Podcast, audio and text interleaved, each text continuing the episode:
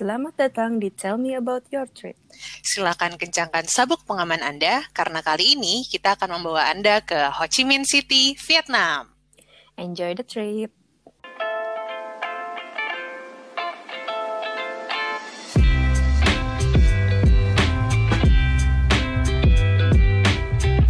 Halo Dohet. Xin chào Icha. Chào. Sincau tuh apa Sincau? Chào itu adalah Sincau gue taunya. bah- halo dalam bahasa Vietnam. Cek Oh oke oke. hasil googling semalam. Oke.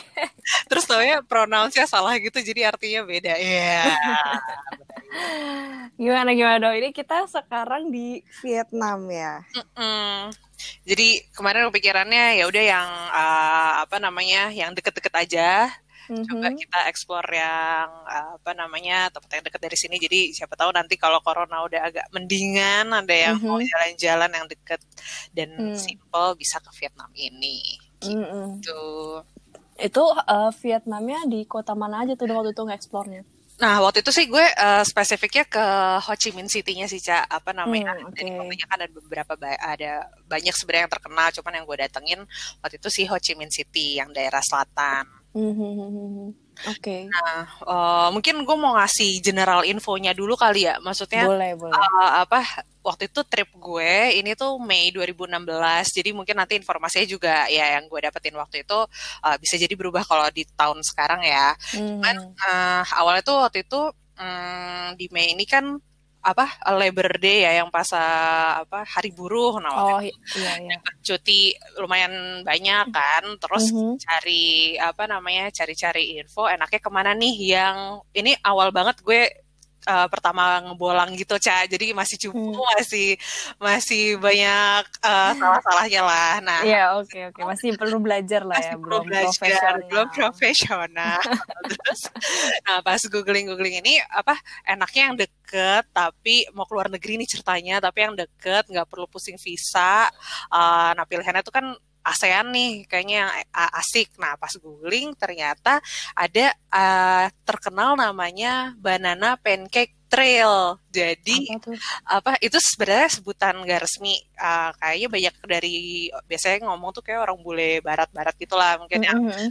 uh, turis-turis backpacker yang uh, jalan-jalan di daerah ASEAN Uh, Mhm. karena kan ASEAN de- apa deket-deketan terus uh, se- sebelahan kan jadi kayak kalau lo mau explore negara apa Vietnam terus uh, Thailand sama apa uh, Kamboja Malaysia nah itu tuh lo lewatin beberapa kota nah itu tuh trailnya tuh namanya Banana Pancake Trail gitu nah yang Hmm. lumayan sebenarnya dia ya bisa ke mana aja kan dari mana dan ke mana aja kalau yang Hmm. rute atas tuh kayak dia lewatin Hanoi yang utaranya Vietnam terus ke Laos Mhm. ke ke daerah atas ke Myanmar sedangkan kalau yang selatan tuh biasanya rute yang favorit itu si eh, Vietnamnya tuh ke Ho Chi Minh City Kambojanya tuh Mhm. lo ke Angkor Wat itu ke Siem Reap terus ke eh, Thailandnya ke Bangkok nah kalau itu tuh kayak Hmm. rute yang cukup apa namanya populer deh apa namanya di kalangan si backpacker terus kalau dari Bangkok Hmm. biasanya orang ke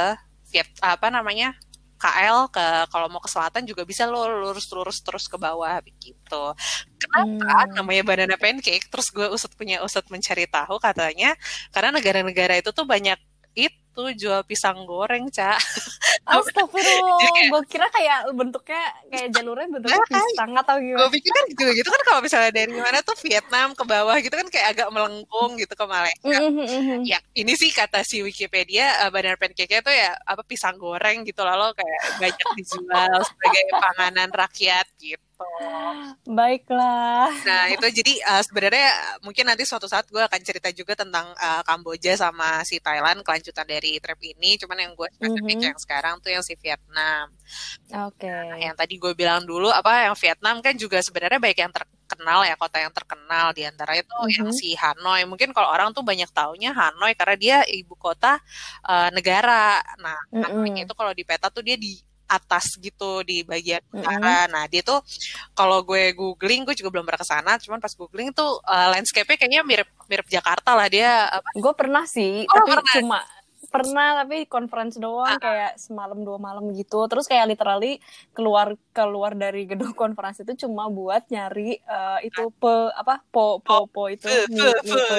pipe mipe nah itu gue cuma nyari itu doang masih Astrid. Udah tuh habis itu gue gak sempet lagi lihat-lihat tapi menurut gue sih kotanya uh, agak unik karena uh, dia nggak nggak kayak Jakarta sih. Menurut gue Jakarta jauh lebih uh, metropolitan karena dia masih banyak kayak uh, apa ya mirip-mirip Braga Bandung oh, iya, iya, tempat yang iya, iya, uh, uh, soalnya banyak kayak orang-orang duduk di kursi yang pendek Kecil gitu. itu, betul terus kayak minum kopi gitu-gitu kan. Gue kan cuma sempet lihat itu doang ya pas sambil nyari si mie itu. Itu doang sih tapi nggak semetropolitan Jakarta juga. Cuman uh, soalnya kemarin gue pas googling itu si Hanoi itu banyak sih gedung-gedungnya lebih banyak lagi di hmm. si Ho Chi Minh City tuh sama sekali ya maksudnya gedungnya yang biasa aja ya macam-macam hmm. gitu kan paling mentok hmm. uh, ya gedung hotel paling berapa lantai sih nggak nyampe 10 lantai hmm. tuh terus ada Hanoi Ho Chi Minh City terus orang juga terkenal sama si apa Halong Bay itu kan Mm-hmm. Kalau di Vietnam itu karena dia UNESCO World Heritage. Modelnya yang apa batu, uh, pulau batu kapur gitu kayak Raja Empat gitu kan kecil-kecil orang tuh seringnya mm. ke sana. Terus kayak mungkin karena Vietnam tuh di apa namanya garis apa pinggir pinggir luar ya jadi garis pantainya banyak nah orang mm-hmm. banyak ke sana tuh ke pantai-pantainya katanya sih mm. Terus uh, kenapa gue nggak ke Hanoi? Karena sebenarnya jauh ya dari Hanoi ke Ho Chi Minh City tuh kayak Jakarta Surabaya, Cak. Jadi oh, namanya iya, iya, iya. kalau ya kan kemarin kan karena gue dimepet-mepetin sama apa trip yang negara selanjutnya, jadi kayak terlalu hmm. effort kalau misalnya gue dari. Hmm. Jadi milih salah satu kota aja ya. Betul. Nah terus hmm. uh, apa namanya? Uh, kayak ceritanya banyak juga gitu kak si di Ho Chi Minh City. Nah, hmm. masuk ke Ho Chi Minh City, dia tuh uh, kotanya lucu gitu karena dia dibagi apa ya jatuhnya kecamatan. Itu tuh namanya hmm. distrik-distrik. Nah, distrik yang apa ada namanya tuh distrik satu, distrik dua, distrik tiga gitu. Sampai ada ada hmm. ada yang namanya namanya nama beneran gitu apa kayak Trengguen apa apa gitu. Cuman yang hmm. uh, apa jadi kecamatan Kebayoran Barunya tuh emang namanya distrik satu. Lo kayak rasa di Hunger Games gitu. Iya, gue baru mau bilang itu kayak Hunger Games ada distrik distrik I volunteer as a tribute gitu. Oh kayak Bintaro juga sih. Oh iya sektor-sektor ya.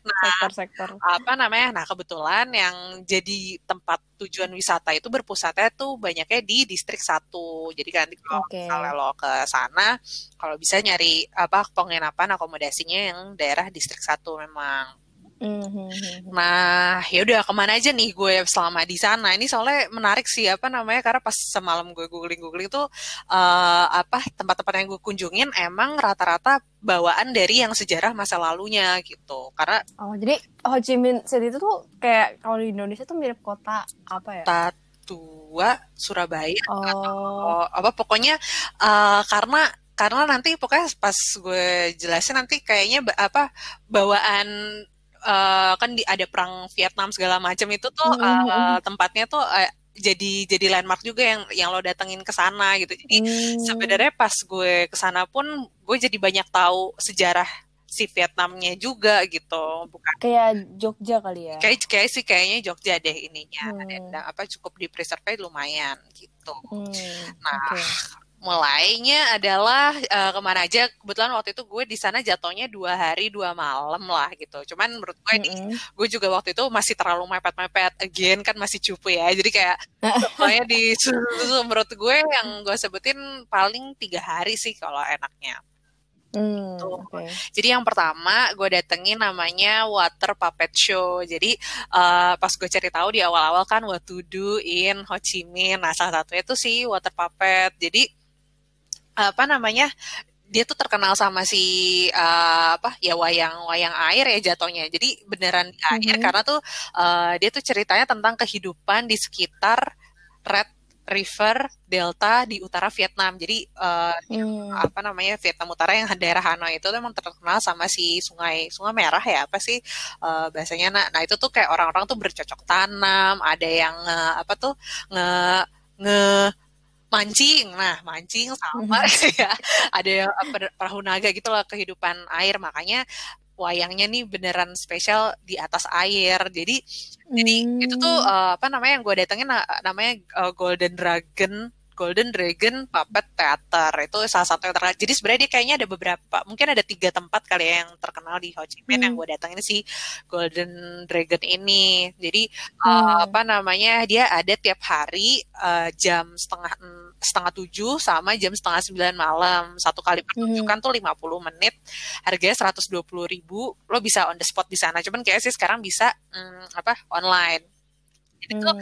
uh, settingannya uh, ya panggungnya naik apa ya penont uh, kursi penontonnya tuh naik ke atas gitu kan. Nah, terus di hmm. panggung depannya itu tuh kayaknya berapa kali berapa ya? enam kali, empat kali ya. Nah, di samping-sampingnya tuh ada si pemain pemain ininya, pemain musiknya gitu, glendo apa uh, apa namanya? pakai gendang, pakai suling bambu segala macam. Nah, terus hmm. orangnya tuh uh, jadi orangnya tuh berent apa kalau lihat fotonya sih yang yang paling terakhir itu mm -hmm. orang yang ininya yang satu yang satu D C ya. itu tuh yang yang ngarahin di belakang. Nah terus air airnya tuh air beneran gitu air air sungai. Terus ada oh. itu tuh ceritanya si petaninya ada yang uh, apa namanya ada botnya segala macam terus terakhir kan gue uh, seperti biasa ambi jadi gue duduk pa kedua paling depan lah kemarin. Nah ternyata di akhir-akhir tuh kayak ada adegan ciprat-ciprat air. Iya, iya kayak, kayak ciprat-ciprat cantik gitu sih. Cuman tapi menarik sih ininya. Dia kan emang sebenarnya narasinya tuh pakai bahasa Vietnam sih cuman kan nah gue baru mau nanya. Ini Berarti nggak ada tepan translatean Gak ada translatean, cuman seingat gue waktu itu di pas beli tiket ada ininya sih, ada ada apa brosurnya. Bukunya.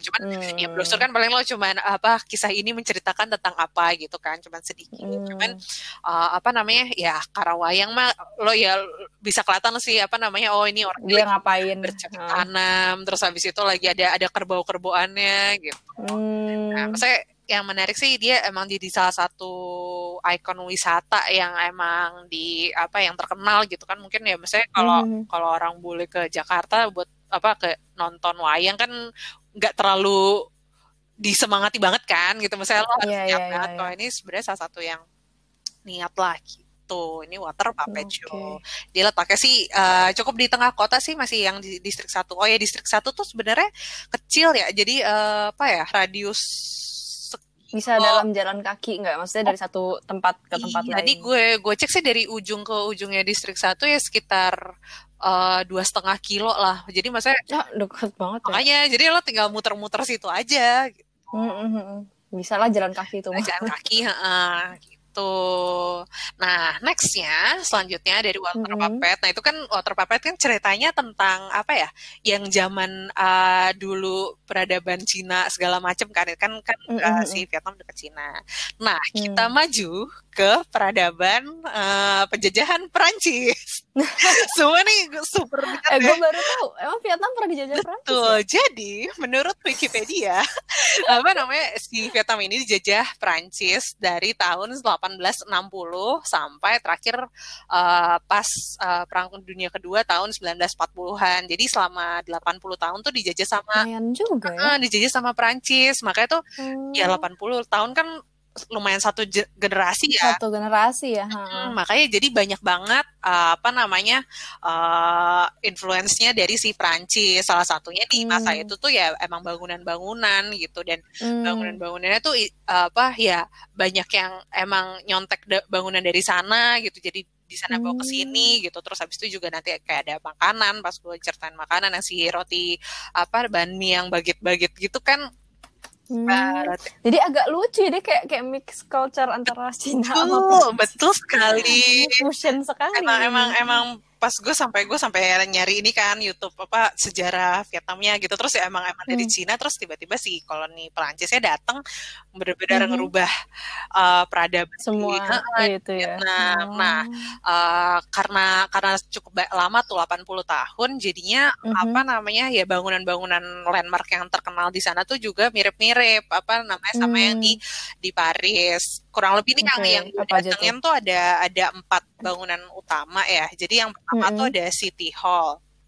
Oke. Okay. Jadi si apa ya balai kotanya di sana Ho Chi Minh City. Nah bentuk itu yang gambar mana tuh? Uh, itu se se no sa uh, dua oh dua dua satu a dua A Oke. satu dua eh dua A dua lah kecil dari Oke. kejauhan nanti lo sambil googling juga aja Cak, ini City Hall. Oke oke. Nah, jadi pas semalam again gue cari, dia tuh emang mirip Mhm. sama Hotel de Ville, de Ville apa de Ville ya, yang apa di Paris gitu. Ah, Ya, ya emang waktu berhubung dulu gue juga pernah ke sana. Jadi emang emang mirip ininya apa namanya eh apa Arsitekturnya ya. arsitekturnya bentuk ibaratnya tuh ada dua ini kan dua dua dua bentengan lah itu kiri kanan terus tengahnya tuh ada ada kayak menaraan terus dia panjang ke sebelah kiri sebelah kanan gitu itu emang emang mirip Oh gitu. iya iya iya iya. iya. Gue gue lagi lihat nih Ah. dibandingin. Mirip sih bener.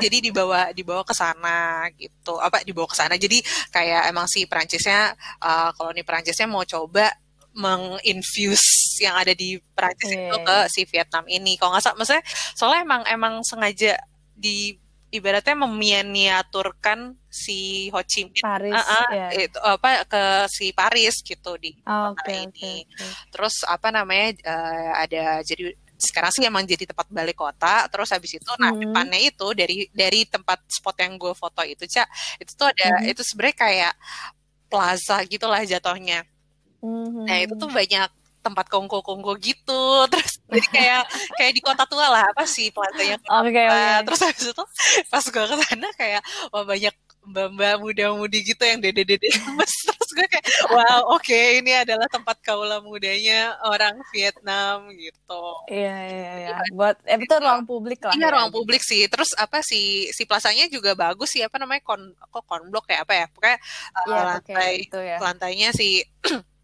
uh, lo terus banyak kursi-kursi juga jadi emang ya muda-mudi kongkro di sana dan di sekitar situ tuh Hmm. seingat gue tuh tempat apa ya kayak ada es krim ada maksudnya uh, Ada jajanan oh juga. ah, ah, bukan yang bukan yang kaki lima banget cuman uh, inilah pinggiran yang seru banyak jajanan Hmm, Nah, terus yang kedua itu ada Opera House.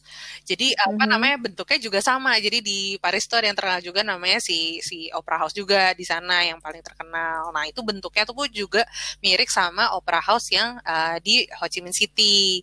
Nah, Mhm. kalau tadinya uh, gue cari tahu dia tuh sebenarnya dijadiin tempat uh, rumah pejabat Prancis ininya apa kegunaan pertama. Cuman pas kolonialnya udah pada pergi, uh, akhirnya Mhm. dijadiin emang teater. Nah sampai sekarang tuh juga dijadiin tempat buat balet, orkestra, opera gitu. Oh, oke. Tuh, cuman uh, in terms of uh, apa arsitekturnya emang uh, dimirip-miripin lah sama sana. Hmm. Tuh, nah City Hall sama Opera House ini lokasinya agak deketan sih, kayak cuman beda mungkin berapa ratus nih gue cari ya 100-200 meter lah gitu. Oh, Nah, oke. tempat selanjutnya sekitar 600 meter dari tempat itu itu ada eh, apa namanya post office. Nah ini mungkin yang eh, orang kalau yang ke Ho Chi Minh City banyaknya fotonya di sini. Jadi post office itu dia eh, apa namanya terkenal bangunan warna kuning gitu cak.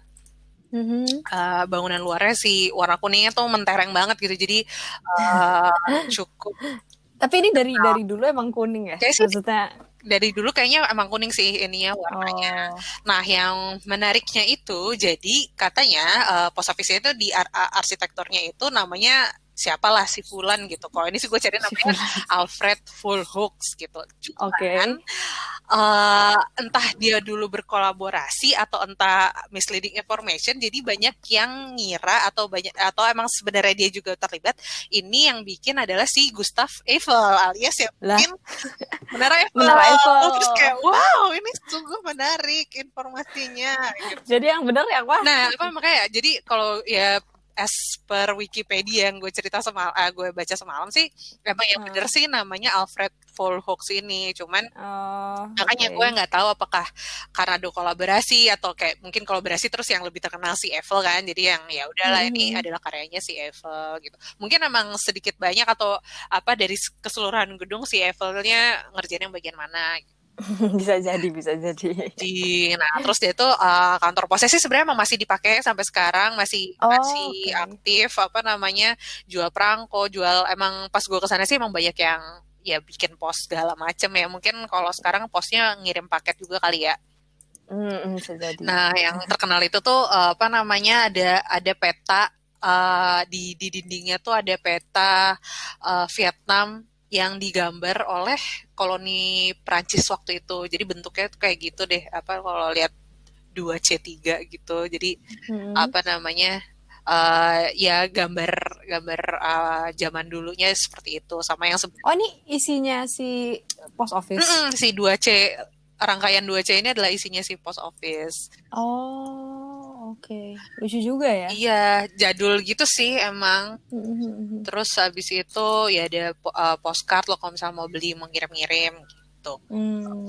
Terus yang apa uh, terakhir yang gue datengin apa mm-hmm. namanya uh, itu adalah Notre Dame katedral maka ini ini Paris. ini ini juga nih sumpah ya beneran ya, di copy paste dibawa semua. dibawa semua ke, uh, ke ke ke Ho Chi Minh dan bahkan fun fact-nya kayak dia tuh katanya semua material bangunannya tuh diimpor dari Paris wow ya. makanya oh, apa namanya kayak cukup lama juga apa pembangunannya terus habis itu ya karena mm -hmm. apa ada um, pas gue cari semalam sih sebenarnya uh, sebelum katedral sebelum uh, berarti kan Katolik ya kalau si ini tuh yeah. Iya. uh, apa namanya si uh, Parisnya gitu kan tadinya ada hmm. beberapa gereja kecil cuman akhirnya dibikin lah landmark maksudnya beneran nih katedral gitu di dibikin sama si Parisnya terus uh, apa daerah apa namanya um, bangunannya gede nah ini lokasinya persis di seberangnya uh, post office Hmm. Tapi tapi ini kayaknya ukurannya paling segede ya. katedral Jakarta ya? Iya, uh, sih. Maksudnya hmm. cuman kayak uh, depannya, at least depan sampai tengah uh, ukurannya seper seper berapanya yang di inilah yang di di Paris gitu. Yang di Paris kan gede banget kan? Ya. Nah terus uh, singet gue waktu pas gue nyampe awal tuh kayaknya lagi ada yang habis nikahan atau gimana, jadi kayak gue uh, gue kayak nunggu sejaman hmm. kongko di mana terus gue baru datang lagi akhirnya gue baru masuk gitu bisa masuk hmm. ke dalam ya seperti biasa kalau misalnya masuk gereja kan kayak kayaknya juga bukan jam lagi misa atau gimana jadi ya hmm. uh, pada boleh-boleh aja sih masuk gitu hmm. kemarin gitu tapi kayak semua bangunannya diimpor dari Paris ya ya mohon maaf ya gimana ya niat banget ya. Maksudnya mereka bener-bener pengen nunjukin di negara bagian negara mereka banget Betul, gitu, ya. gitu. Emang kayak kayak emang ya dijadiin miniatur beneran apa namanya uh, kayak copy paste uh, gitu sengaja sengaja dibikin ke, kayak seperti itu. Lumayan hmm. 80 tahun. Nah terus apa uh, lanjut lagi. Jadi abis uh, water puppet terus abis itu lo udah ngeliat daerah situ. Itu kan berarti kalau gue lihat tuh kayak radius uh, daerah yang uh, apa namanya kolonial pra Perancis itu dalam radius satu kilo lah gitu dari mm -hmm. apa lo bisa muter-muter daerah situ. Nah mm -hmm. nextnya itu adalah ke War Remnants Museum. Oh. Jadi ini adalah museum yang yang uh, ini nomor tiga jadi apa okay. namanya museum yang menandakan. Jadi kan setelah setelah ini cak setelah uh, Paris ya kembali lagi ke sejarah one on one. Jadi setelah hmm. Paris uh, apa jajah 80 tahun sampai 1940 sampai si perang dunia. Nah perang uh, dunia kedua itu kan Jepang masuk. Nah mm -hmm. pas Jepang apa namanya pas Jepang udah udah udah beres tuh apa namanya dia udah kalah kan nah jadi mm -hmm. si Parisnya tuh kembali apa uh, Prancisnya tuh kembali masuk lagi kayak ya uh, tadi mungkin ada cuman kembali mencoba menguasai nah terus hmm. kayak ini uh, gue juga agak takut salah juga cuman masa kayak ada bagian yang uh, ini warga lah apa rebellion warga gitu kan hmm. yang, jadi di, kebagi menjadi dua apa namanya Vietnam Utara sama Vietnam Selatan yang Selatan okay. itu yang Paris itu disupport sama si Amerika salah satunya nah yang si apa uh, warga lokalnya ini disupport sama yang dari Cina gitu kan. Oh. Nah, itu yang namanya perang Vietnam. Oh, Jadi kalau yang, bukan bukan yang Amerika itu ya perang Vietnam iya, beda lagi.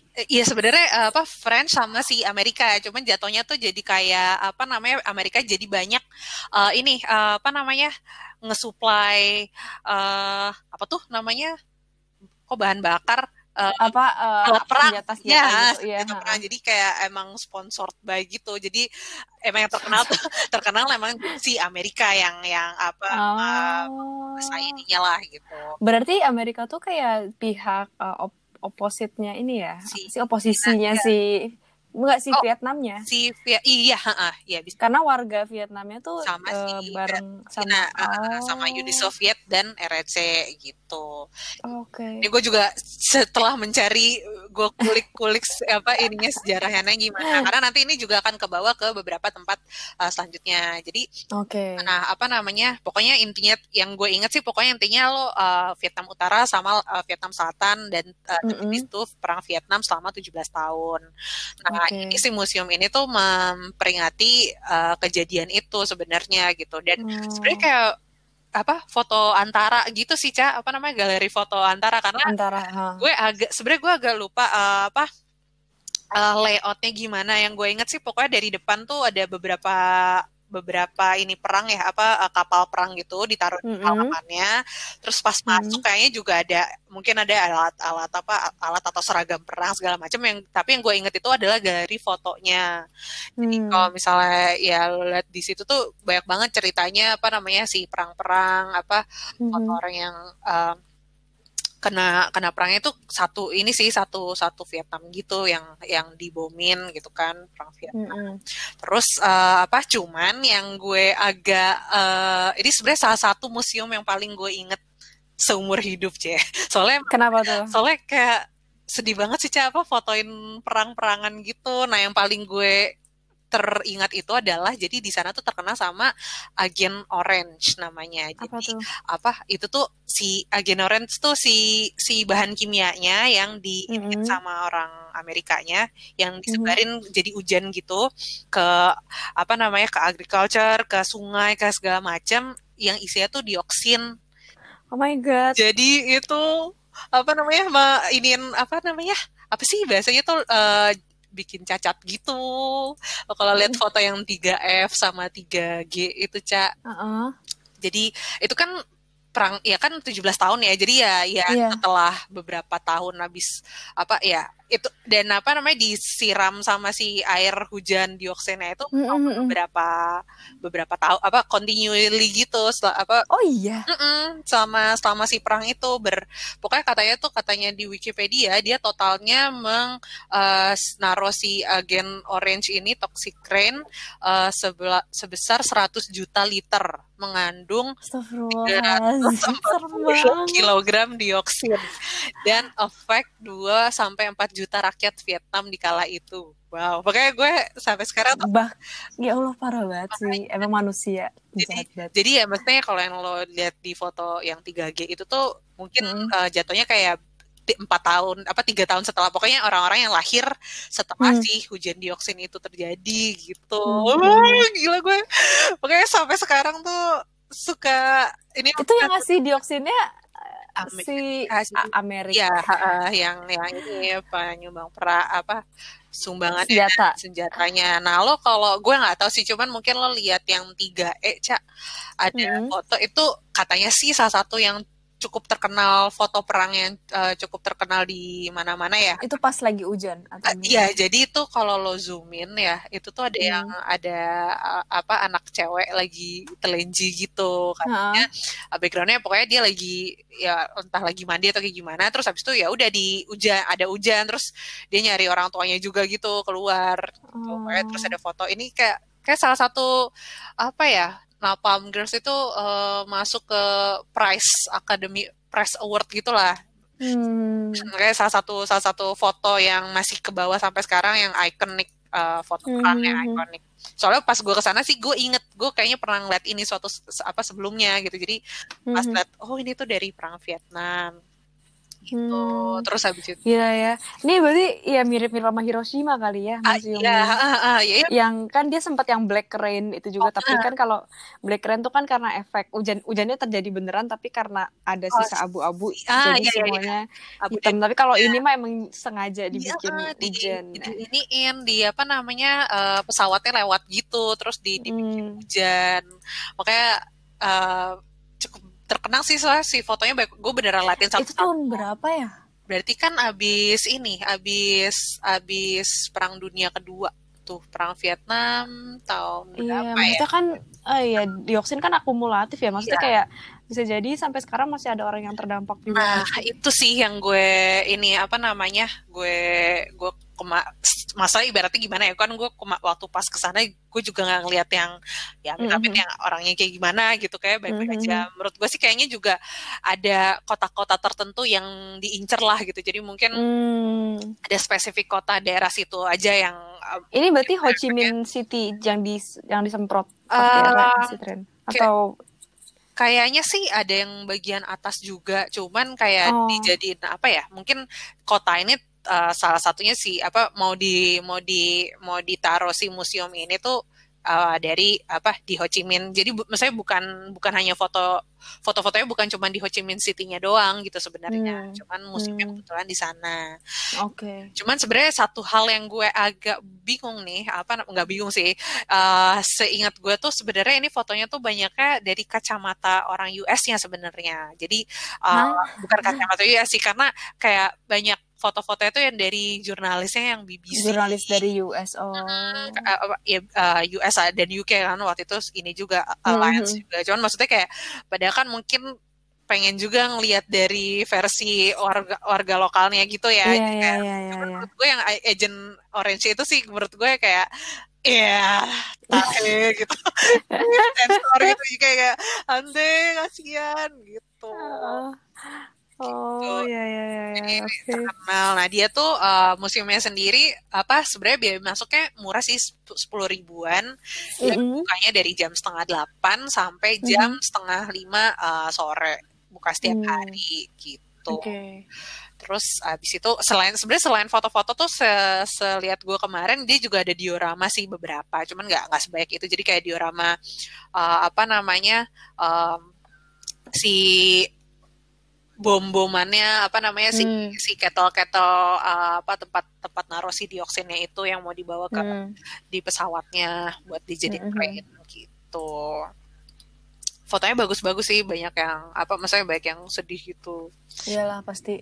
Gue jatuh di Hiroshima sedih banget. Iya, apalagi. sih. Pasti di sini juga kayak sama kayak gitu kali ya. makanya cuman ya itu sih yang yang poin yang kurang maksudnya gue uh, takutnya kan biasanya kalau di ini sama US gitu kan nanti agak dibelokin atau gimana ceritanya. Kita jadi sedihnya sama tentara Huff, gitu. Iya bener sih. Nah kayak gue kayak gue agak kaget juga. Kayak yang gue tahu kan gue kirain tuh US perang di sana. Kenapa? Gue belum tahu gitu loh. nah gue juga kayak bukan kan orang kalau lo nonton apa sitkom atau yang itu atau yang drama-drama Amerika kan kayak iya gue habis perang Vietnam tuh Iya, terus kan kita kayak aduh ditinggal gitu segala mi- mikirin kayak keluarga si ininya. Nah, gue kayak fotonya nggak ada di sana. Cuman uh, sebenarnya gue juga kemarin sempat lihat yang salah satu yang gue foto itu tuh emang apa? Dia uh, waktunya paling panjang apa Mhm. dibandingin sama Perang Dunia II tuh kan kayak tiga tahunan. Cuman si ini Hmm. 17 tahun. Cuman uh, warganya apa? Tentara yang dikirim Ameri dari Amerika tuh sebenarnya banyak banget cak. Lebih banyak daripada Hmm. si Perang Dunia II sendiri. Jadi maksudnya uh, intinya tuh adalah kayak Amerika seniat itu gitu waktu itu. Hmm. Ya sebenarnya sih itu backup backupan sih maksudnya kayak karena si ya apa Vietnamnya di backup sama Uni Soviet kan. Iya betul betul.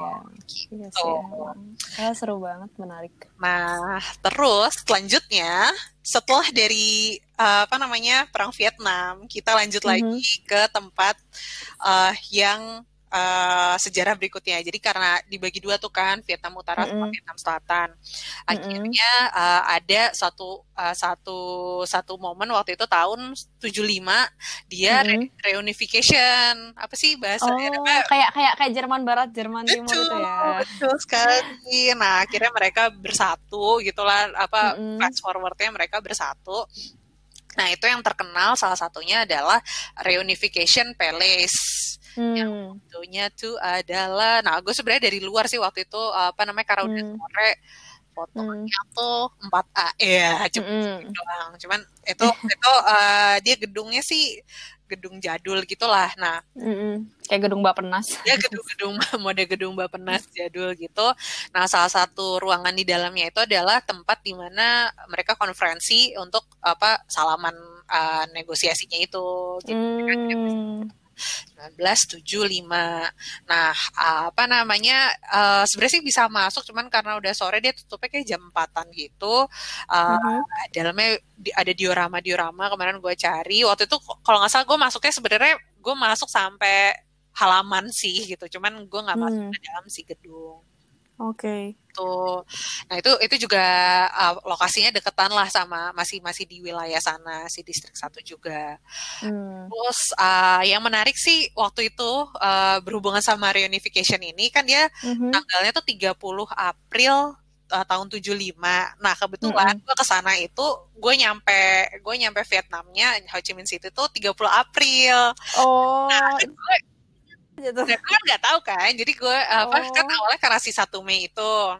Oh iya benar. Satu Mei, uh, satu Mei itu hari waktu itu hari hari Minggu atau hari apanya? Jadi kayak ya udah mm. gue uh, gue datangnya sehari sebelumnya udah Sabtu pas weekend. Nah pas gue mm -hmm. nyampe nggak tahu apa-apa. Terus uh, eventnya waktu itu gue pas nyampe gue nonton si Puppet Show abis itu pas mm-hmm. keluar nih kenapa orang tiba-tiba pada paguyuban rame-rame di jalan gitu kan terus abis itu ternyata kayak terus jalan ke arah sungai ininya sungai, uh-huh. sungai apa sih itu namanya sungai Saigon sungai Saigon uh-uh. kan Vietnam eh, sungai Saigon ternyata hmm. ada uh, ini uh, kembang api. Jadi oh. apa namanya mau untuk ternyata waktu itu untuk memperingati si reunification oh, jadi 30 gitu. April. Jadi kalau misalnya mau ke sana di tanggal 30 April itu juga menarik karena benar-benar karena yang gue bikin kaget gue nggak tahu sih ya mungkin kalau misalnya tahun baru atau apa kan kayak dari siangnya hmm. udah kelihatan nah Mm-hmm. Gue pas nyampe tuh nggak ada nggak ada apa-apa gitu kan? Oh nggak ada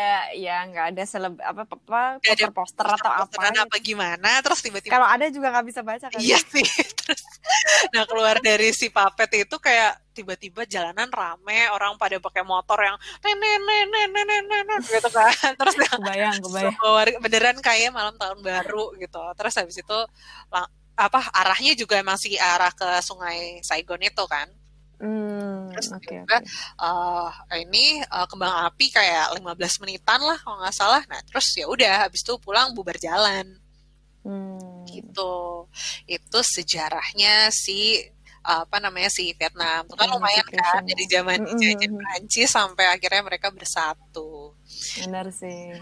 Nah, menarik, menarik. terus abis itu setelah dari ini ya dari tempat itu kan tempat-tempat di distrik satu. Nah, gue yeah. mau jelasin yang apa uh, agak bergeser sedikit ke ini mm -hmm. ini masih berhubungan ketika uh, perang Vietnam. Tapi lokasinya okay. sekitar 60 kilo dari distrik satu yaitu namanya Cuci Tunnel ini nggak tahu okay. deh ini bacaannya bener apa kagak ya, cuci tanah oh ya just kan cuki apa namanya pakai sosok ini apa namanya Italian gitu baca jadi kat tidak gitu. oke okay. nah itu 60 kilo apa nih? dari sana jadi itu tempat hmm. uh, apa namanya tempat persembunyian si tentara ini tentara tentara Vietnamnya gitu oh. jadi sebenarnya sih um, ya kan area area perangnya kan luas ya dibagi ke beberapa tempat gitu kan terus uh, apa namanya nah di salah satunya yang terkenal tuh di sana di si daerah cuci tan uh, cuci ini adalah mm-hmm. uh, lahannya tuh dijadiin tunnel-tunnel apa jalur oh. bawah tanah gitu Hmm, so masuk nggak ke dalam? Nah, masuk. Jadi di, dia kan Anjir, serem tempat, banget. tempat wisata, apa namanya? Jadi jadi tempat wisata. Terus abis itu uh-huh. uh, apa namanya? Gimana ya pokoknya um, jadi tuh ceritanya uh, dia itu kan tempat persembunyian terus habis itu ada jalur komunikasi jadi jadi tempat jalur komunikasi sama buat suplai makanan sama suplai senjata hmm. juga di sana jadi pas gue masuk pertama kan datang terus dikasih ada induction suruh nonton gitu kan apa mm -hmm. uh, sekitar 10-15 menit nah itu emang diceritain mm -hmm. awalnya gimana dibikinnya segala macam terus apa ada kayak uh, semacam diorama uh, apa sih jalur jalur si ininya jalur si itunya ke mana aja gitu uh, bawah tanahnya tuh beneran rumit banget emang saya banyak jebakannya mm. juga gitu jadi uh, emang di, dipakai untuk mengecoh juga gitu kan Hmm. Terus abis itu uh, apa namanya jalurnya banyak cukup rumit makanya si orang US tuh katanya juga banyak yang kena jebakan jebakan Hmm. ada kadang-kadang ada ketemu paku kadang ketemu uh, gas kadang ketemu granat gitu dan Hmm. uh, seingat gue sih cerita waktu itu adalah ya mungkin karena postur orang Asia kecil-kecil ya kan orang Mm-mm. Vietnam jadi sebenarnya cukup kesusahan tuh si orang US buat ke sana Oh, karena ukuran tunnelnya juga kecil. kecil. Uh, lo kalau lihat foto 6H, Cak, Mhm, mhm, mhm. sekarang tuh beneran uh, jalannya pun jong apa nunduk gitu. Oh, ini kalau lo nunduk nggak? Gue nunduk sih jatuhnya. Oh. Ini mungkin orang yang tinggi 170 kali ya. Pokoknya ya lo kayak mesti ruku lah. Jadi emang didesain sedemikian rupa biar kayak buat ngerangkak kali ya. Nah, lo bayangin ini yang lewat depan gue tuh orang Asia gitu. Lo bayangin kalau orang Oh. bule yang badan-badan segede 190 Iya, iya. cm nih pasti udah ini pengep duluan kan. Iya benar-benar benar-benar. gitu terus habis itu uh, apa namanya eh terus terus apa lagi ya? Apa namanya? Nah dia di sana kalau tempatnya sendiri sih eh, jadi kalau buat ke sana kan 60 km dari distrik satu. Lo bisa Hmm. naik bus. Nah kalau naik bus ya sebenarnya lumayan lumayan effort. Dia sekitar dua setengah jam uh, Mm-mm. perjalanannya karena ganti bus dua kali gitu. Cuman bayar bayar bayar busnya tuh kayak cuman berapa? lima ribu rupiah gitu loh satu kali. Oh. Jadi pokoknya PP lo dua puluh ribu aman lah itu. oh oke. Murah Terus, banget ya. eh, eh, terus atau enggak? Ini soalnya busnya sih bus ini sih kayak bus bus kopajaan gitu lah. Oh, oke. Terus eh, apa? Tapi kalau misalnya lo naik mobil kurang lebih sekitar kurang dari dua jam lo bisa ke sana gitu. Hmm. Nah, cuci tunnelnya sendiri ini biaya masuknya enam puluh ribu per orang Hmm. rupiah. Terus habis itu apa lagi ya? Pokoknya menarik ya di situ eh, ya sebenarnya kan areanya banyak, cuman yang dijadiin yang lo bisa datengin gitu tuh apa namanya yang ya ya terbatas aja sih, nggak nggak semuanya. Itu tuh masih ada ini gak sih kayak serem ada sisa granat gitu-gitu gak sih? Nah eh, kayaknya udah dibersihin. Jadi kalau lo lihat yang 6C itu tuh Mhm. kayak ada apa namanya ya bekas-bekas yang dulu tuh udah pada dikumpulin sih katanya.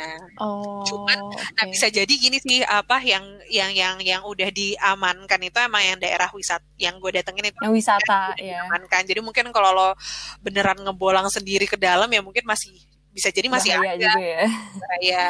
Terus yang yang kayak lo yang foto 6G itu tuh salah satu bentuk yang Hmm. apa namanya ya kalau lo injek terus nanti bawahnya paku. Itu paku-pakunya. ya? Heeh. Anjir. Ya, terus yang apa foto yang mana lagi yang 6F itu tuh lubangnya lubang masuknya tuh emang se seukuran inilah seukuran pinggang Orang. orang apa yang cukup kecil gitu lah kalau misalnya Oh. bayangin yang apa namanya polisi Amerika Ini makan ini lubang jebakan gitu ya? Eh, kalau ini sih kayak lubang masuk deh Oh, lubang masuk. Eh, ada ada yang lubang Ya Allah, juga eh, atau enggak lo eh, ini bukan jebakan cuman mungkin tempat sementara kali ya gitu apa Hmm. cuma mungkin dari ujung ke ujung gitu kayaknya gue pernah ada satu deh yang masuknya dari tempat si mas baju putih ini terus keluarnya Hmm. kayak 3 meter ke depan gitu Cuman Hmm. kalau pintu masuk yang agak beneran lo lihat yang 6E itu biasanya kayak suka ada tangganya juga gitu. Sebenarnya Hmm. agak agak proper sih gitu kalau Hmm. ini. Terus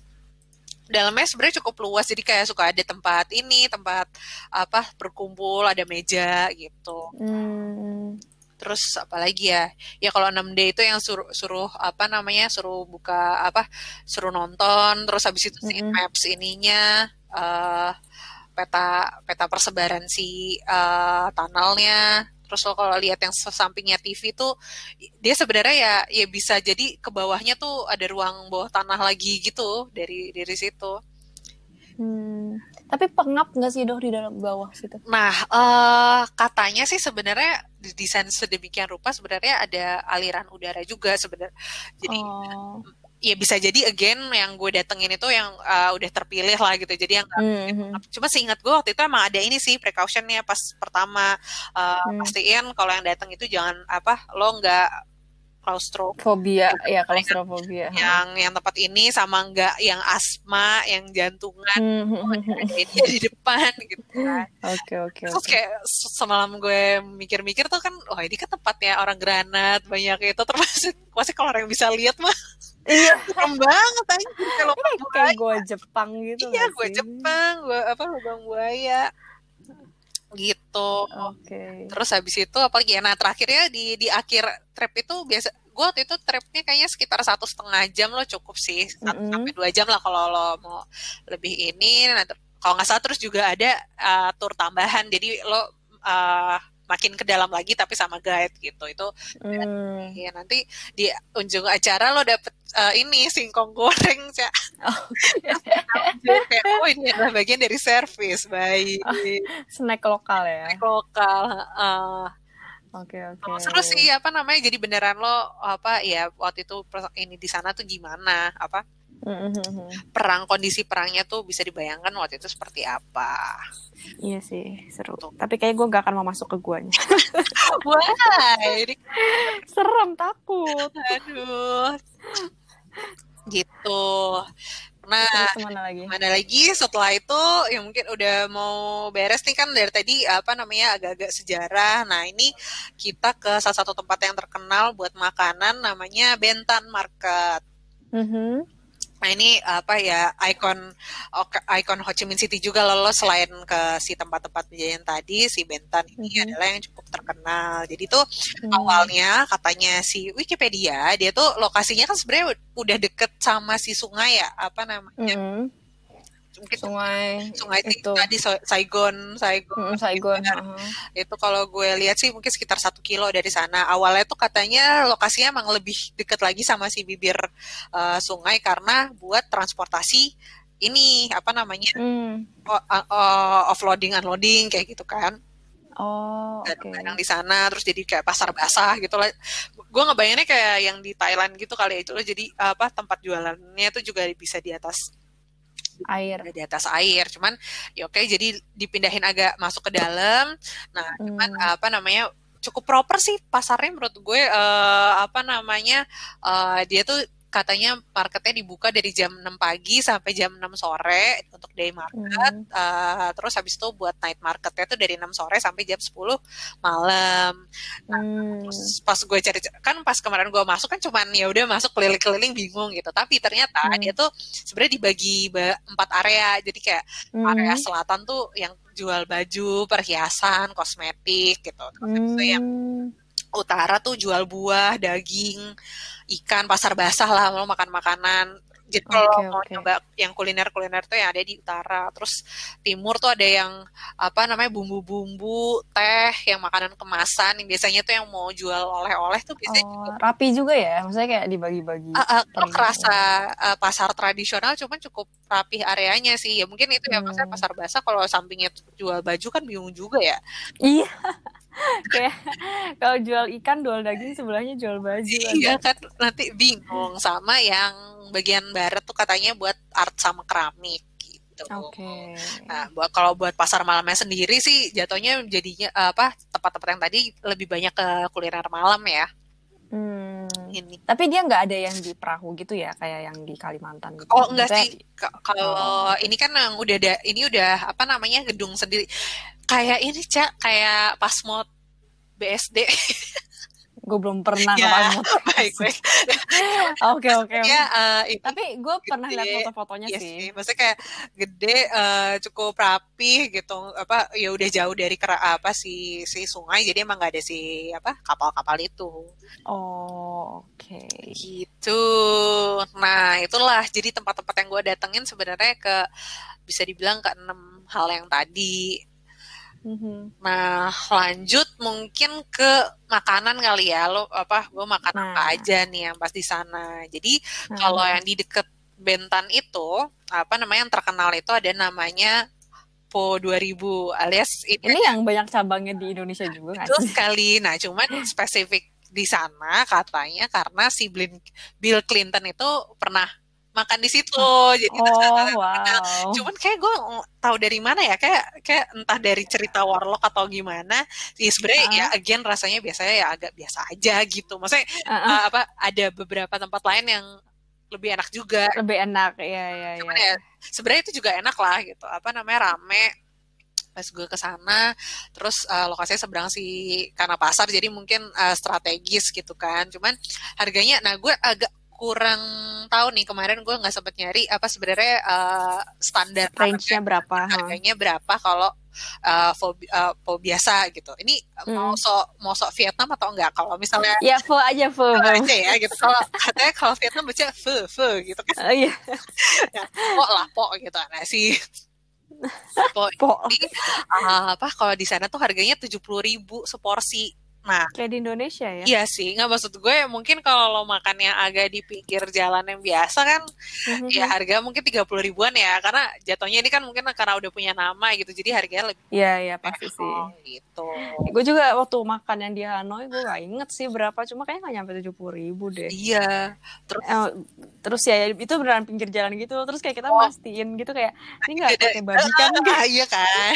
Tapi emang pho tuh maksudnya kayak apa apa kuahnya bukan pakai babi kan nggak kayak ramen yang emang base Kayaknya sih On. ada juga yang ini, makanya eh, sebenarnya pilih-pilih juga kali ya ininya. Mhm. Makanya ya kalau misalnya yang yang yang ada di ini kan dagingnya emang daging sapi kan sih. Mhm. nya terus si mie-nya gitu apa terus ya mungkin ah kayak seafood gitu ininya apa kuahnya nggak tahu juga sih apa Iya, ada, ada iya. yang pakai seafood ada yang ada yang Bismillah aja ada yang di ya udah nah ini waktu itu apa ya pokoknya salah satu yang terkenal ya udah gue gue ibaratnya cukup menginjakan kaki lah di sana gitu kan Oke. Nah, nah terus sebenarnya waktu itu kan ya karena berhubung masih cupu jadi gue nggak terlalu explore yang aneh-aneh banget gitu. Cuman eh, gue sempat makan eh, apa namanya di karena gue ke- gue ketemu sama temennya temen gue gitu di sana gitu, yang Mhm, emang kerja di sana jadi diajak makan ke halal eh, resto halal Saigon resto waktu itu Mhm. Nah, emang sih katanya ya,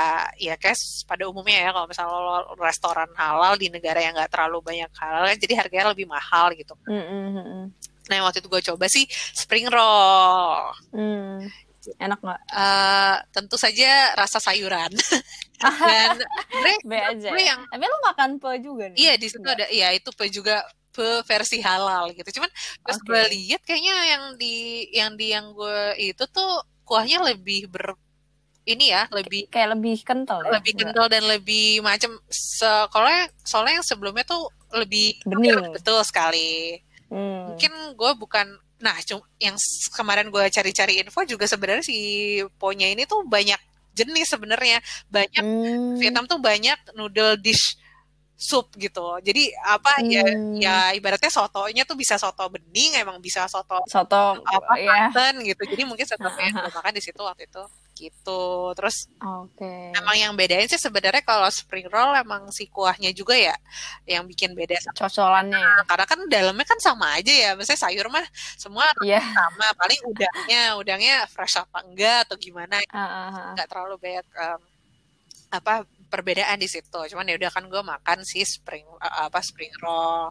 Terus apalagi ya yang yang gue coba di sana waktu itu tentu saja pengen eh, kopi Vietnam sama si Mm-mm. banh mi. Nah, banh mi ini kan defaultnya sebenarnya dia pakai babs kan. Jadi gue Hmm. beneran ya udah deh gue pengen nyoba nih udah cari apa namanya eh, kedai yang biasa aja cuman yang apa kayak waktu itu gue cari yang tuna gitu cak jadi yang Oh. apa namanya biar biar gue bisa cobain lah gitu Ah, ah, ah, ah. nah isi tuna Terus? eh, habis itu eh, ya kan dia kalau banh mi kan pakai si baget itu terus sayurnya Uh-uh. banyak terus habis itu ya udah aja rasanya ya begitulah menarik juga Kalau menarik nih berarti tidak seenak kayak itu ya saudara-saudara. kayak oke gitu Ini ini ini inspired by Prancis juga ya? Iya si rotinya, si roti Oh itu. iya. iya. Terus abis itu eh, apalagi ya? Ya udah yang yang gue coba di sana. Oh sama si kopi susu Vietnam waktu itu. Ini ini sebenarnya yang gue pesen bukan yang si drip sih, yang si digambar ini. Hmm. kayak kayak waktu itu abis setelah itu gue sempet minum sekali lagi gitu, yang yang pakai si Hmm. dripan. Nah, Hmm. kalau overall sebenarnya yang gue seru itu adalah pas eh, gue googling semalam. Itu kan yang yang tadi kan yang gue makan ya Mm-mm. semalam gue googling terus gue cari yang di Netflix itu ada si street food series itu kan Iya iya iya. dia cerita tentang si makanan di Vietnam tuh gimana jadi Hmm. eh, Vietnam itu karena deket sama apa si sungai gitu lah lebih apa Hmm. eh, kok sungai sih itu kan Ho Chi Minh ya ya eh, si Vietnam Dekat secara pantai. keseluruhan heeh, si Vietnam secara Ah. keseluruhan itu kan kayak dia eh, apa daging-dagingan tuh nggak terlalu jadi favorit gitu jadi emang banyak ada tuh Hmm. dari apa kayak kerang terus habis apa Hmm. kerang-kerangan tuh banyak yang sebenarnya yang orang yang duduk di pinggir apa uh, dingklik kecil itu cak yang Iya. Nah, itu banyaknya makan si kerang gitu kayak Oh, kayak kayak makanan harian inilah ininya cemilan harian gitu ya. makan harian gitu. Wow. Terus habis itu eh, apa namanya? Nih kalau by Wikipedia, jadi kalau makanan Vietnam itu sebenarnya dia meng eh, apa namanya? Terkenal juga jadi apa five fundamental taste element, tuh? ada ada spicy, sour, bitter, salty sama sweet. Nah, dia tuh tuh Oh. apa makanan makanan di sana terus inspirasi bagi itu jadi nggak terlalu nabrak-nabrak segala macam dan cenderung light. Nah, nah terus habis itu yang lanjutnya uh, makanya garis apa uh, bisa ditarik garis ke yang tadi adalah uh, dia itu lebih banyak fresh ingredientsnya dan sedikit Hmm. menggunakan dairy dan minyak. Uh, Hmm. Jadi makanya kan kayak spring roll gitu. Jadi apa namanya Vietnam itu makanan Vietnam bisa dikonsider sebagai salah satu makanan tersehat seluruh dunia. Wow. Oh, iya sih sebenarnya kalau Vietnam itu agak beda sama kayak kita yang Melayu yang banyak santan ya. Maksudnya mereka kayaknya nggak pakai santan-santan gitu sih ya kalau dilihat. Kebanyakan yang light-light gitu. Betul. Meskipun rasanya lebih tetap tasty gitu. Iya, uh, uh. Ah, Maksudnya ya spring roll kan ya tadi isinya sayur-sayuran aja cuman Iya, tapi ada cocolannya ah, gitu kan. cocolannya oke gitu ya. Si ini kan kuahnya banyak kan juga apa namanya sifonya Bening ya. ah, gue kan kemarin nyari apa uh, uh, what to eat in apa namanya Vietnam gitu. Itu tuh Hmm. si noodle dishnya tuh banyak jenisnya entah yang pakai Hmm. apa-apa cuman kuahnya tuh rata-rata uh, light kan. Hmm, hmm, hmm. Terus habis itu dia juga yang menarik ini apa low in sugar uh, apa namanya and banyak always naturally gluten free as many dishes are made from rice. Iya, iya, iya. Jadi kan kayak tepung beras gitu ya maksudnya. Beras terus si apa kulit kulitnya si spring roll kan juga dari beras. Hmm, hmm, Terus si hmm. kue tiao nya kan juga dari beras kayak Iya, wow benar, ini benar, adalah benar. fun fact. Maksudnya setelah gue pikir-pikir lah benar juga ya dia dari banyak kan dari beras gitu. Padahal kan kayak ya beras kan juga ininya gulanya tinggi ya. Cuman mungkin Hmm, hmm, hmm. kali. Terus apa namanya? Nah itu apa eh, lanjutannya lagi karena dia apa buat daging-dagingan kayak babi, eh, Hmm. apa si daging sapi atau ayam tuh agak Hmm, hmm. limited gitu, agak terbatas. Jadi dia Hmm, hmm, banyaknya hmm. ke ikan. Makanya si Oh. sausnya tuh banyaknya tuh kayak eh, apa fish sauce, soy sauce, Oh. habis itu si terasi apa namanya eh, shrimp paste gitu. Oh, udah. Iya, iya, iya, iya. iya. Iya sih, gue suka kayak kecap ikan itu kalau gue di Jepang tuh pasti yang mereknya Vietnam sih belinya. Soalnya nggak ada. Iya, maksudnya karena kan kalau kayak kecap ikan Iya, gitu kan di Jepang kurang dijual ya. Oh, oke. Jadi pas ke toko internasional gitu, biasanya gue beli kecap ikan mereknya tuh Vietnam gitu. Meskipun gue nggak tahu kenapa yang dijual yang Vietnam. cocok logi yang sungguh cocok. Iya sih benar-benar benar. Iya. Makanya terus makanya ya salah satunya juga tadi lanjutnya adalah si apa namanya banyaknya ikan terus yang crab sama si eh, si kerang-kerangan tadi. Makanya jadi, Mhm. jadi makanan itu. Terus selain itu kalau yang di Netflix tuh juga dia namanya ada broken rice. Jadi katanya tuh eh, apa? Jadi kalau lo ya kalau eh, panen nih, panen beras, terus habis itu ada Mhm. yang bagian nasi yang rusak apa ada yang kepotong atau yang pecah. Nah, itu kan kayak Mhm. nggak nggak nggak cakep lah. Nah, itu Mhm. kumpulin sama warga sekitar kayak ya udah nih daripada dibuang dimasak aja. Jadinya tapi itu kayak Hmm. lama kelamaan jadi kayak sebenarnya sih nasi juga gitu. Cuman katanya sih ukurannya kecil-kecil butiran nasinya. Oh, itu kayak imperfect gitu lah ya. Iya. Kalau di sayur box tuh Oh. pilihnya yang imperfect. Biar lebih murah eh tapi ya, karena ya Iya, bener-bener. kata kalau kata si Netflix tuh soalnya ya, jadi yang makan yang yang warga sekitar yang nggak mampu beli apa Hmm. nasinya Itu kalau di di Jawa Tengah sama Jogja tuh Si- kayak tengkleng sama tongseng. oh Jadi kayak gue Oke. juga baru tahu dari bokap gue kayak kalau tongseng tuh kan dia daging banget ya. Kalau terus kuahnya tuh kan lebih kental. Nah tengkleng tuh kayak sisanya tongseng Iya tuh kayak sih, kuahnya cair ya. terus bener banyak ya jeroan sama tulang Iya, gitu. iya, bener juga. Gitu kayak ngapain coba lo makan tulang gitu kan Iya kan. terus si apa si broken rice tadi tuh sebenarnya pas gue googling sih dia modelnya kayak ini ya kayak kayak nasi uduk gitu sebenarnya Mhm. yang poinnya kan si nasinya terus habis itu si lauk lauknya aja sih sebenarnya terserah gitu Hmm.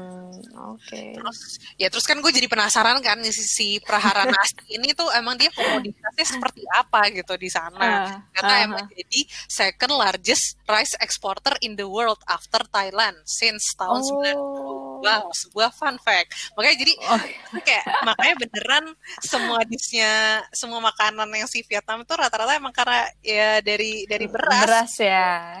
Yang beras base banget lah ya dia Beras ya. banget. Terus Oke. habis itu ini juga kan si kopi Vietnam nih emang terkenalnya gimana gitu kan. Dia Ha-ha. itu katanya Vietnam Bukan dari kita ya katanya Nah, sih di luar si- di bawah. katanya ya apa sebenarnya katanya juga sebenarnya kalau untuk eh, ini kopinya sendiri apa diperkenalkannya waktu zaman si kolonial Prancis gitu apa Hmm. budaya minum kopian inilah gitu kan Mhm. terus abis itu cuman ya udah jadi jadi diolah terus kayak orang-orang udah mulai pada kenal untuk si minum uh, kopi ini nah y- yang paling terkenal kan lo pakai apa bawahnya tuh si uh, susu kental manis atasnya terus si Mm-mm. Vietnam drip nah si susu Mm-mm. kental manis ini juga awalnya karena uh, si orang Perancis ini susah dapat uh, susu seger di di selama di Vietnam jadi dia pakai Oh. si condensed milk Oh gitu.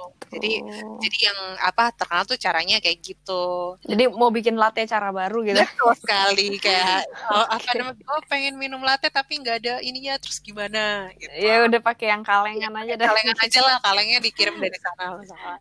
terus Oke. yang apa yang ini lagi kalau misalnya lo sebenarnya suka kopi, ngerti kopi gue secara Hmm. gue enggak ya cuman katanya tuh kenapa yang kenapa kopi Vietnam tuh bikinnya beda karena katanya Hmm. pas di roastingnya itu di- suka Hmm. dicampur sama ada rice wine atau pakai sugar atau eh, eh kok sugar sih salt sama butter katanya ya yang Oh. membuat in the end katanya kalau orang yang bisa bedain tuh dia suka ada slight oily texture gitu c buat yang ngerti sih terus gue kayak ya ntar oh, saya tanya adik saya deh. gimana ya adiknya gimana itu bener atau enggak Tapi nggak tahu ya, gue waktu itu pas beli yang di Hanoi itu kan gue juga nggak tahu yang terkenal apa Ah. kan karena gue buru-buru dan segala macem. Nyoba Nah pas gue beli tuh yang gue beli yang bubuk gitu, Oh, tapi kayak tokonya tuh kayaknya proper dan kemasannya kayak banyak dijual gitu.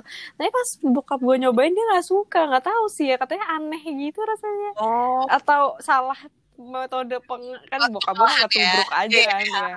Nggak tahu juga sih. bisa jadi kayak gitu gitu Hmm. terus habis itu paling ya itu itu yang ininya nah ka- apa ternyata ya si kopinya ini kenapa terkenal juga sekarang setelah itu si Vietnam juga jadi eh negara eksporter kedua terbesar eh eh, eksporter kopi terbesar kedua setelah Brazil jadi yang pertama kan Wow. Brazil terus kedua Vietnam eh, keempat Indonesia wow Oh, wow, padahal Indonesia lebih gede ya. Kaget cuman- juga saya. Kayaknya maksudnya eh, budaya kopinya tuh udah udah cukup inilah ya Iya iya iya iya. Oke oke. cukup cukup eh, men- bisa diandalkan gitu Mm, mm, Ini mm, mm, si kopi sama si nasi ini si beras mm. Pokoknya ini ya dua komoditas utamanya ya. Mm-mm, salah satu eh, komoditas utama itu yang makanan makanya sebenarnya pas gue cari semalam tuh wah ini tuh cocok logi banget gitu jadi kayak kesan kopinya gini ternyata gini gitu eh tapi lo minum gak waktu di sana yang pas kental manis itu? Enggak ya? eh, sem- sekali cuman kayak nggak ada di foto ini cak gitu cuman ya udah kan Oh. gue nggak secara gue juga nggak pemerhati kopi kan gue ya udahlah gitu minum Tapi Oh, menurut lo enak, gimana? Menarik. menarik Atau enak? enak enak dan menarik ya uh, kan gue nggak suka yang pahit jadi maksudnya uh, emang kalau susu kental manis kan emang cenderungnya emang jadi bakal manis, Manis. gitu jadi Iya iya iya.